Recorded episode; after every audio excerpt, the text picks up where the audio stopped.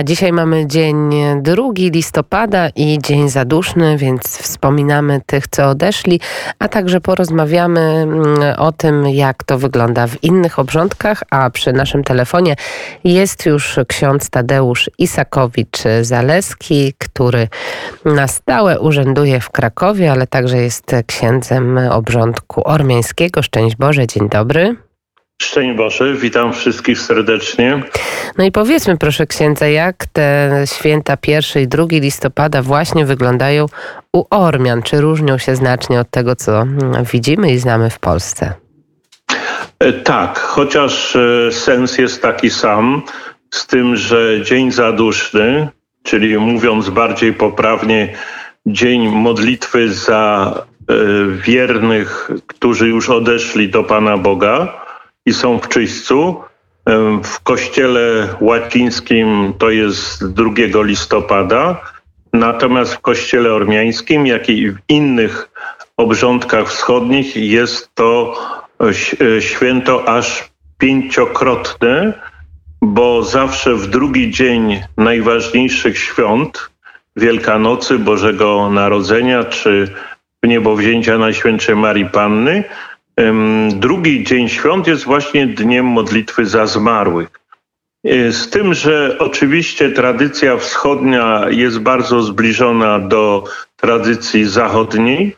E, modlitwa za zmarłych to jest najważniejsze modlitwa, ale także nawiedzanie cmentarzy poprzez e, udanie się do grobów swoich najbliższych, ale także zapalanie świec czy zniczy e, dla tych osób, którzy nie mają swoich grobów, bo trzeba pamiętać, że zwłaszcza czasy pierwszych chrześcijan to były czasy masowych prześladowań.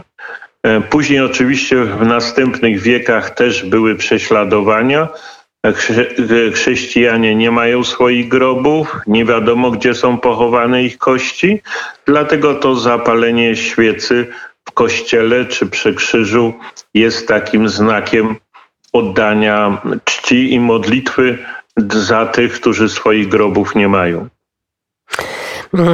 To To jest e, bardzo ważny dzień, tak jak ksiądz już wspomniał, drugi dzień listopada, ale my w tym dniu także powinniśmy się pochylić i na pewno ksiądz to także robi nad tym, jak wygląda dzisiaj sytuacja Kościoła katolickiego w Polsce i, mm, i w ogóle w Europie.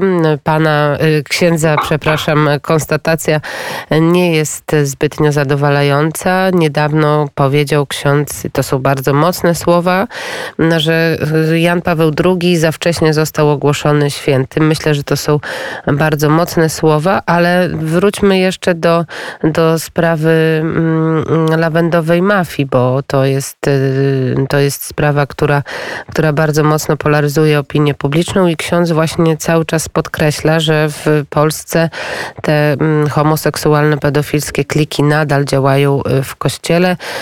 Jak, y, jaki obrać kierunek, jak znaleźć receptę, żeby to rozwiązać? Może najpierw wyjaśnię, że ja nie mam najmniejszej wątpliwości co do świętości e, Jana Pawła II i do jego wielkości. Natomiast e, szkoda, że w czasie bardzo szybkich, moim zdaniem za szybkich procesów beatyfikacyjnych i kanonizacyjnych nie wyjaśniono E, wielu wątpliwości, bo każdy wielki człowiek może popełniać przecież błędy, czy też um, pojawiają się zjawiska, tym bardziej trzeba to wyjaśnić w czasie procesu. Natomiast um, chociaż sam Jan Paweł II e, wprowadził zasadę, że rozpoczęcie tych działań może być zaledwie pięć lat po śmierci Mm, zmarłego, no to tutaj akurat nie dochowano nawet e, tej zasady. Od razu się odbył e, proces w Watykanie, bardzo szybki i nie odpowiedziano na te pytania. I szkoda, bo właśnie teraz ci, którzy są przeciwnikami wielkości Jana Pawła II, nauczania jego, które było genialne wręcz, ma ogromny wpływ na rzeczywistość, wyciągają te sprawy. I myślę, że nie, niewyjaśnienie tych wątpliwości moim zdaniem obraca się w tej chwili przeciwko e, e, świętości i wielkości Jana Pawła II. Wspomniała Pani te e, problemy. Oczywiście one są bardzo głębokie w Kościele i nie zostały rozwiązane ani za pontyfikatu Benedykta XVI, który jednak dokonał wielu pozytywnych zmian, i to jest jego też wielkość, ani za pontyfikatu papieża Franciszka. Może nawet to kogoś zdziwi, ale uważam, że pontyfikat obecny raczej przyklepał, um, pociągnął taką błyszczącą farbę na pordzewiałe um, miejsca i nie ma rozwiązań. Chodzi o te kliki najróżniejsze, lawendowa mafia w tym znaczeniu to nie jest potępienie homoseksualizmu jako takiego, to jest osobna sprawa, tylko tych powiązań, no kryminalnych wręcz. E, po, um, także rozwalanie kościoła od wewnątrz. No i co dzisiaj mamy? No sytuację bardzo trudną. Na początku pontyfikatu papieża Franciszka mówiono e efekt Franciszka. Takie było określenie medialne, że wzrosną powołania, że będzie ożywienie wiary. E, po ośmiu latach możemy powiedzieć, że proces jest dokładnie odwrotny. Pustoszeją seminaria um, duchowne, mało ludzi interesuje się Kościołem. Um, również wiele osób nie akceptuje tych zmian odsunięcia choćby mszy świętej trydenckiej czy też sytuacji, gdzie papież zamiast zajmować się teologią, czyli nauczaniem o Panu Bogu i zbawieniu człowieka, zajmuje się ekologią, czyli zajmuje się e, klimatem, roślinkami, wielorybami, a nie mhm. ludźmi. I myślę, że to jest właśnie dramat współczesnego świata. Właśnie dzisiaj w Dzień Zaduszny trzeba wyraźnie powiedzieć, że no, ideą Kościoła jest troska o zbawienie człowieka, a nie o roślinki. Oczywiście ekologia jest ważna, natomiast nie jest to um, podstawowa funkcja e, e, wspólnoty, którą założył Jezus Chrystus. Proszę księdza, jeszcze bardzo mocno komentowana w mediach, a także w mediach przede wszystkim społecznościowych, e, arcybiskup Dzięga. Mówię tutaj o tym, że z okazji Wszystkich Świętych i Dnia Zadusznego właśnie episkopat zamieścił w mediach społecznościowych orędzie, które wygłosił metropolita szczecińsko-kamieński arcybiskup Andrzej Dzięga. Co ksiądz sądzi o wyborze akurat tego duchownego i o tej właśnie fali krytycznych komentarzy, która w związku z tym postępowaniem w Watykanie, które się toczy, e, została mm, opublikowana i która się wylała, powiedzmy w cudzysłowie. No jest to dla mnie jako duchownego bardzo przykre. Ja miałem okazję poznać arcybiskupa Andrzeja Dziękę od strony pozytywnej. E, przy poświęceniu pomnika ofiar ludobójstwa na Wołyniu. Ten pomnik stanął w Szczecinie. Głosił też piękne kazanie w czasie pielgrzymki kibiców na Jasną Górę. Natomiast yy, okazuje się, jak wynika z relacji świadków, również tych, którzy pisali do mnie, że dokonał ogromnych zaniedbań, wręcz tuszowania pedofilii, najpierw w diecezji sandomierskiej, gdzie był biskupem, a później w archidiecezji szczecińskiej. I dzisiaj jest e, jego sytuacja niewyjaśniona. Toczy się postępowanie.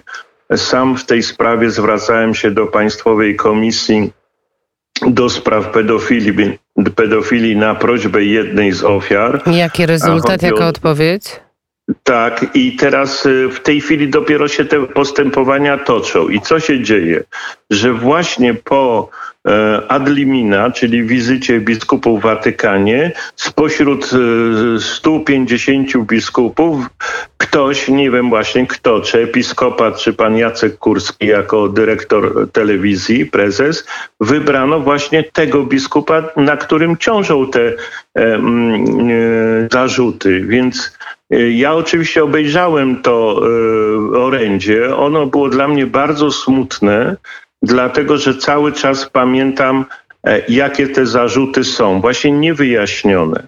Więc no to jest samobój. Niezależnie jak będziemy na to patrzyli. No, a ja się aż boję, kto będzie głosił orędzie 11 listopada. No, czy jakiś kolejny na przykład tajny współpracownik SB, bo i tacy są w episkopacie i on będzie nas pouczał o patriotyzmie. Więc myślę, że tutaj dochodzi do jakichś totalnych absurdów na linii episkopat, a zwłaszcza telewizja polska, i szkoda, bo zamiast e, wsłuchać się e, no, skądinąd e, ważne wypowiedzi na temat wszystkich świętych i Dnia Zadusznego, no to są kontrowersje, kto to głosi. Więc myślę, że mamy tu dokładnie to samo, co z tymi niewyjaśnionymi sprawami z poprzednich pontyfikatów i myślę, że stało się naprawdę bardzo źle że taki, a nie inny biskup głosił to orędzie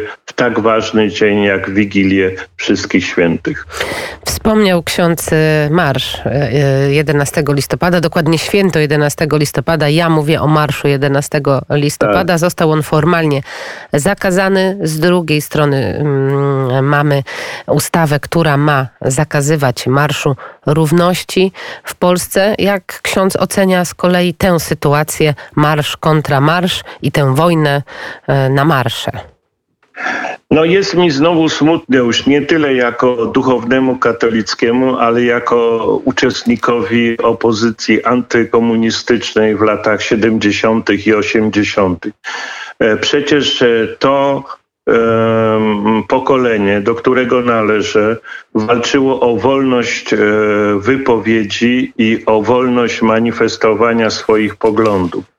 I tutaj mamy sytuację z dwóch stron. Jedni chcą zakazać marszu niepodległości, inni e, demonstracji czy marszów e, środowisk LGBT. Moim zdaniem i jeden zakaz, i drugi zakaz jest absurdem. Ja oczywiście nie popieram środowiska LGBT, natomiast jeżeli chcą manifestować, to niech to robią. O, o, ile oczywiście nie dochodzi do aktów przemocy, dewastacji czy obrażania uczuć religijnych. A jeżeli inne środowiska, lewicowe, prawicowe, czy Pan Bóg raczy wiedzieć, jakie jeszcze inne też chcą manifestować i wygłaszać swoje poglądy, to proszę bardzo. Natomiast e, wszelkie zakazy uderzają no, w tą podstawową wartość, jakąś swoboda wypowiedzi. Dodam tutaj, że mamy do czynienia też z cenzurą, bo są media, które teoretycznie mówią, że są wolnymi mediami, a w rzeczywistości naciski polityków z tej czy innej opcji powodują, że różne materiały i wypowiedzi się nie mogą ukazać. No, dzisiaj nie ma takiego medium, jeżeli chodzi o telewizję, które byłoby całkowicie wolne. Oczywiście są na szczęście radia jak Radio Wnet, czy wiele innych portali internetowych, czy inicjatyw oddolnych. Chwała Bogu, to są media obywatelskie, społeczne. Natomiast te główne media no, poddane są straszliwej presji i równocześnie e, no, zaprzeczają tym ideom solidarnościowym. Więc taka moja konkluzja, żeby nie zakazywać manifestacji. Oczywiście trzeba przestrzegać prawa i nie może to się łączyć z dewastacją czy jakąś agresją. Natomiast nawet jeżeli jacyś ludzie powiedzą, że chcą manifestować, że Ziemia jest płaska i że Kopernik to była kobieta, już przepraszam za takie e, trywialne porównania, to niech sobie protestują. Natomiast no, i niech sobie tak, maszerują w tym duchu. Oby Natomiast... tak było, oby tak było, ale niestety nie, nie, nie dzieje się tak, proszę księdza. Tak, także ja jestem przeciwny wszelkim zakazom. Muszą być tylko pewne ramy, które pozwolą, że e, ta manifestacja nie stanie się burdą, przepraszam za określenie, czy zadymą tylko z normalnym, cywilizowanym e, wyrażaniem swoich poglądów, do których każdy obywatel Rzeczypospolitej ma prawo. Amen. E, powiedział ksiądz Tadeusz Isakowicz-Zaleski, dla innych może bardziej znany jako Jacek Partyka, Jan Kresowiak albo ksiądz e, Robak. Duchowny także. To jest czasów właśnie tych, przepraszam, że powiem, mojej młodości, czyli Wtedy, no tak. kiedy była bibuła niezależna, kiedy trzeba było na powielaczu różne rzeczy wydawać, kiedy trzeba było używać pseudonimów. Dla mnie to były piękne czasy, bo wtedy białe było białe, a czarne było czarne.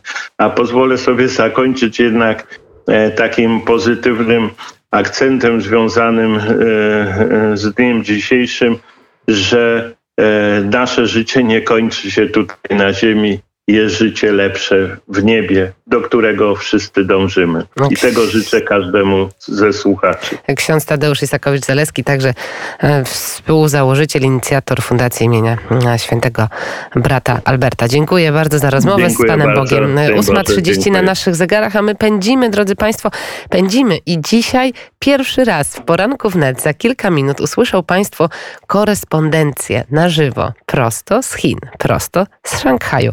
Więc na start, bo taki też jest tytuł tego utworu, Fish, Emade i Tworzywo. Rewelacyjna płyta y, wydana kilka dni temu, ballady i protesty. Serdecznie polecam.